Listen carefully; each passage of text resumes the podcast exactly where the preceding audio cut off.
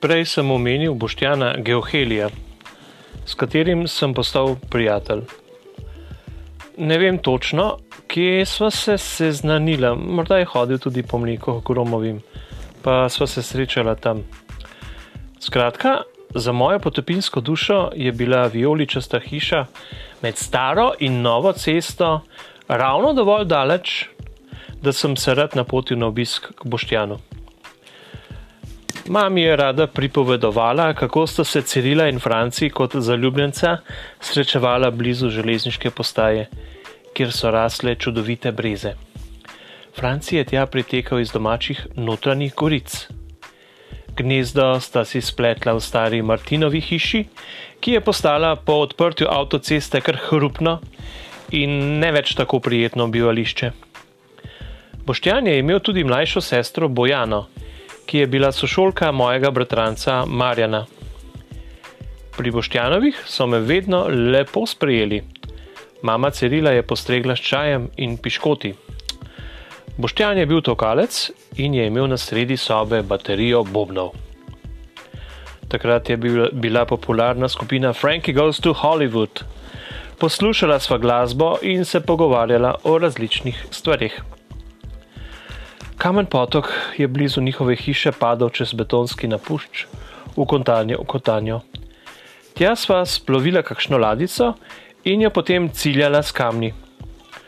Boštjan je rad uporabljal več kamnov naenkrat in govoril, da so to splinteri. Večkrat je omenjal tudi podmornico, ki jo je imel, vendar te njegove domnevne igrače nisem nikoli videl. Nekoč mi je ponudil marelični čokles. Ker ni bilo čokolade, so nam proizvajalci ponujali sladkorne tablice ali pa ta sadni nadomestek za čokolado bil mi je enako oduren kot borovničev puding. Glede pudinga sem imel kljub večni sladkosnednosti kar visoke standarde, ker je bil pri nas zelo pogosto na jedilniku. Sprejemljiv je bil samo čokoladni in kvečemu lešnikov, morda še vaniljev puding, drugih okusov nisem maral. V zvezi s pudingi naj samo omenim, da je sestra Karlina nekoč polila sredstvo za pranje posode CET v posodo, kjer je mami pripravila puding s piškoti za celotno družino. Tisti dan smo vsi skupaj ostali brez pudinga, žal. Tisto poletje me je okoli rojstnega dneva zadela bolezen. Morda je šlo za tisto gnojno angino, zaradi katere nisem mogel na korčolo z ministranti, ali pa je šlo za kakšno drugo izdajo te bolezni. Spominjam se, da sem na rojstni dan povabil prijatelja Roberta Vidmarja in Boštjana Geohelija.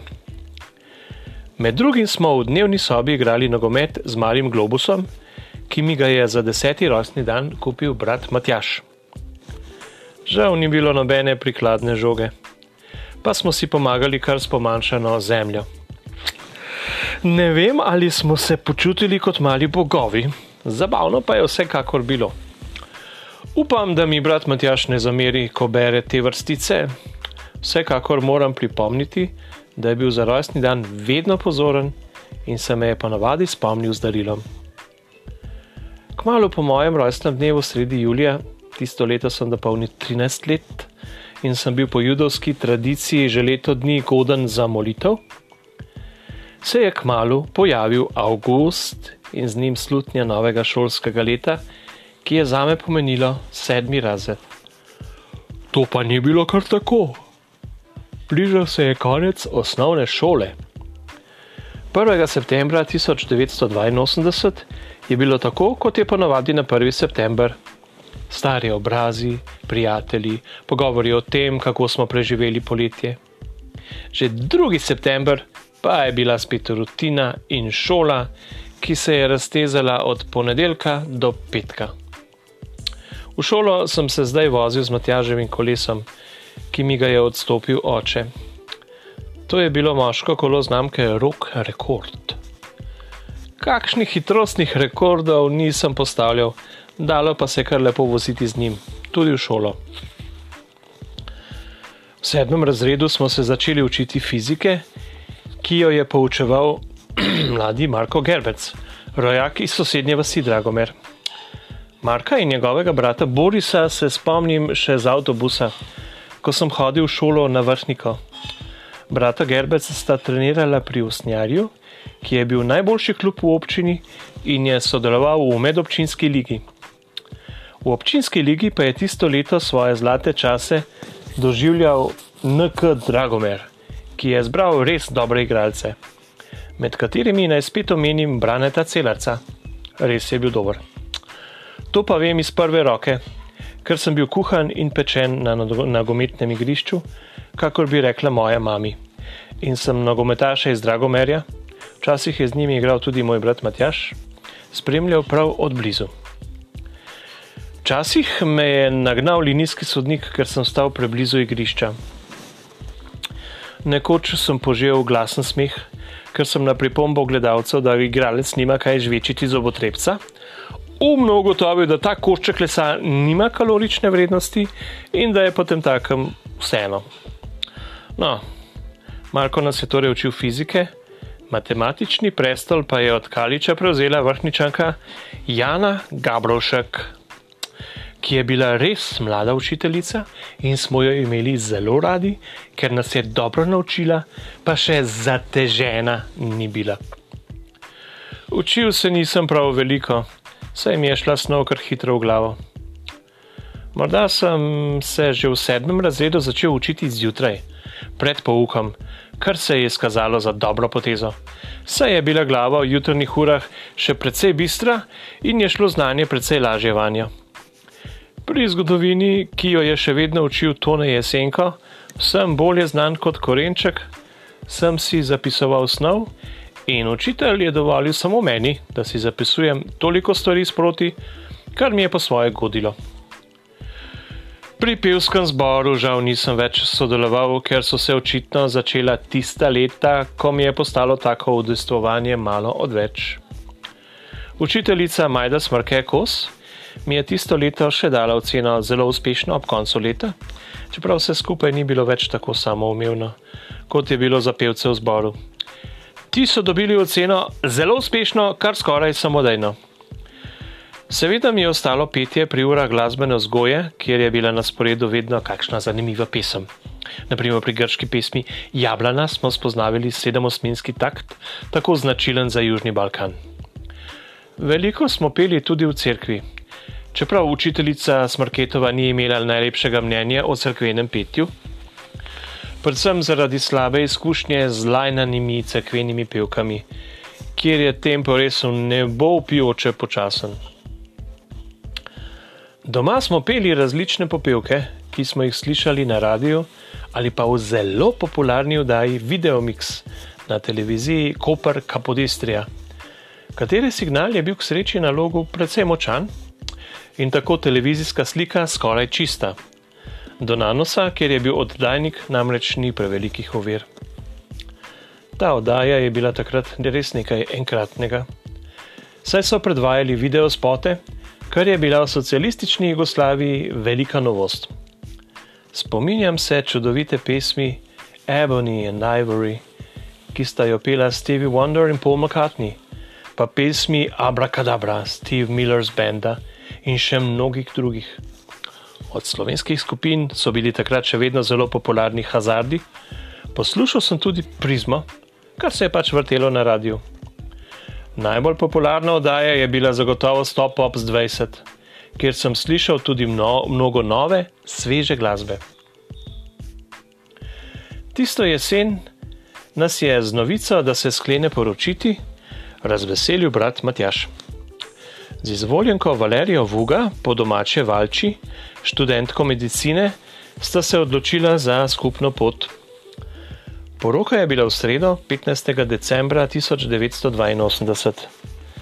Najprej sta sklenila civilni zakon na Ljubljanskem magistratu, potem pa sta se poročila še crkvena v Valčini domači župniji v Štepani vasi. Stric Ivan, očetov brat, ki sem ga nekoč srečal, ko se je ob avtocesti vračal domov, me je vprašal, ali bomo težko povabili na ohcet. Kar me je malo presenetilo, saj takrat s sorodniki sosedje nismo bili ravno v najboljših odnosih. No, Matjaževa in Valčina poroka je bila bolj skromna, tako kot sta bila navajena skromnega življenja oba novo poročenca. Potem smo šli v gostilno pri mraku na poročno kosilo. Valčin oče Dušan se je rad smejal, slovensko pa je govoril bolj neokretno. Saj je njegova družina zaradi očetove vojaške službe živela dolgo časa v Nišu in Beogradu. Slovenščine se je naučil bolje šele, ko so se vrnili v Slovenijo.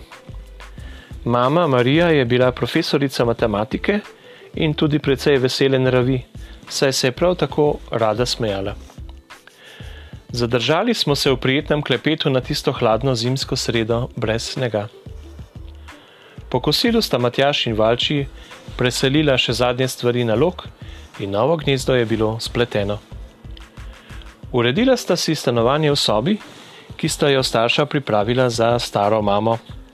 Andrej pa se je preselil v bivšo Matjaževo sobo, takoj zraven. Kmalo se je izkazalo, da je Valči noseča kar se mi je zdelo najpojemljivo. Kako je vendar prišlo do tega? Menda kar po zraku. Bil sem izredno nerazsvetljen v spolnosti. Mama mi je nekoč dala knjižico Klemensa Pereire, ki je pisal o stvarih, ki se začenjajo dogajati mladim fantom. Česa drugega pa od nje ali od očeta nisem slišal. Tako je pač bilo. Tudi sama od tem nista slišala od svojih staršev saj je njuno otroštvo pretresla mamina smrt pri mami in očetov umor pri mojem očetu. Kdo bi jima lahko v njuni mladosti povedal o teh lepih, malce odmaknjenih stvarih človeškega življenja, zaradi katerih se rodi novo življenje, če pa je takrat povsod rovarila smrt. Bratu Matjažu so ložanski prijatelji podarili tudi nalepko, I am a master of this house and have my wife's permission to say so. Kar bi se po slovensko glasilo, jaz sem gospodar te hiše in imam ženino dovoljenje, da tako rečem. Te besede bi lahko bile zavajajoče, češ kakšna sem ti pa, da je bila moja novo pečena svakinja valči. Nikakor ne. To je milo bitje, ki ima zelo rada svojega moža mojega starejšega brata Matjaža, ki smo mu kdaj pa kdaj rekli tudi miži, kot smo mi na otroško poimenovanje sestre Cirile. Včasih je sicer potarnala tašči, se pravi naši mami, da se Matjaž zapre kot školka, ampak to je pač moj brat, ki je zelo podoben očetu, plemenito bitje z občutkom za bližnjega. V šolskih klopeh ni bilo nič pretresljivo novega. Dekleta so pomalem že bezljala, nekatera so tudi že imela fante, mi pa smo se v glavnem še vedno zanimali za nogomet in tehniko. Najboljše je bilo, če smo v veliki telovadnici lahko igrali nogomet. Nekoč sem bil v golu in mi je uspelo zadeti nasprotna vrata z neposrednim strelom. Na drugi strani je bil nihče drug kot Blaž Potokar, eden večjih umetnikov v našem razredu. Bil sem zelo ponosen na se. Tisto leto sem tudi hodil na nogometni krožek, ki ga je imel zdravko pečan, vratar pri NK Dragomer. Naučil sem se nekaj koristnih stvari te zanimive igre. Vodenja žoga in preigravanja me je doma učil tudi brat Matjaš, kadar je imel čas. Tisto leto so v politikinem zabavniku, ki je izhajal v petkih in smo ga doma dosti redno kupovali, začeli izhajati stripi iz trilogije Vojna zvest. Zgodbe o Luku Skywalkerju, temnem lordu Vaderju, Hanu Solu in njegovi ljubezni, princesi Leji, so me zelo pritegnile. Nisem pa bil v razredu edini, ki ga je navdušila pravljica o temni in svetli plati sile. Tudi moj sošolec Gorast Vahan Zloga, ki je bil izvrsten risar, je veliko prostih trenutkov med urami pa tudi kdaj med poukom prebil v risanju prizorov iz te vesoljske sage. Njegove umetnine so me zelo pritegovale, posebej ko je risal temnega lorda Dartha Waderja. Zabavalo ga je, ko sem ime Wader izgovarjal kot voda. Ni pa bil tako vesel, ko sem ga nekoč v šolski knjižnici vprašal, ali ima ogrejene žmigovce, ker je kar naprej mežiko z očmi. V maniri kavbojskih pretepov me je jadrno s pestjo udaril brado, kar me je povsem presenetilo in razorožilo. Sicer se mi je pozneje opravičil, jaz pa tudi njemu in bila sva spet prijatelja. Tisto zimo smo se s šolo odpravili v Ljubljano, da bi si v operi ogledali predstavo Prodana nevesta. Ne vem, kako je prišlo do tega. Mogoče je šlo za bolezen v ansamblu, ampak namesto smetanove veselo igre smo poslušali resno opero Lucia di Lammermoor Gaetana Donizettija. Fantje smo bili nekje visoko na najbolj zgornjem balkonu in se v glavnem dolgočasili. Čeprav me je verjetno nekje potihem to glasbeno delo pritegovalo. Sem si pa bolj zapomnil to, da smo šli po predstavi v Daj dam na pico in vmes tudi zaigrali kakšno šahovsko partijo na garnituri, ki jo je seboj prinesel Uroš Remškar. Tiste mesece nas je šahovska igra zelo pritegovala, Hodil sem tudi na šahovski krožek, ki sta ga vodila Pezdir in Šoln iz Dragomera. Na krožek sta hodili tudi sestri Polona in Helena Zorc z Lukovice, ki sta sicer hodili v šolo na Brezovico, kakor je bila navada Lukovičanov. Na šahovski tečaj je hodil tudi moj poznejši prijatelj Borut Strnati iz Dragomera, ki je bil sošolec Roka Meglena in Toneta Brlana iz 6B. Živo se spominjam partije, ko sem zmagoslavno potegnil kraljico po samo kot šahovnice na Borutovo stran, misleč, da je zmaga v mojih rokah. Borut pa me je začudeno pogledal in izdavil: Pa se ti lahko po, po, po, požrem. Res me je lahko. In tista partija je bila zame izgubljena.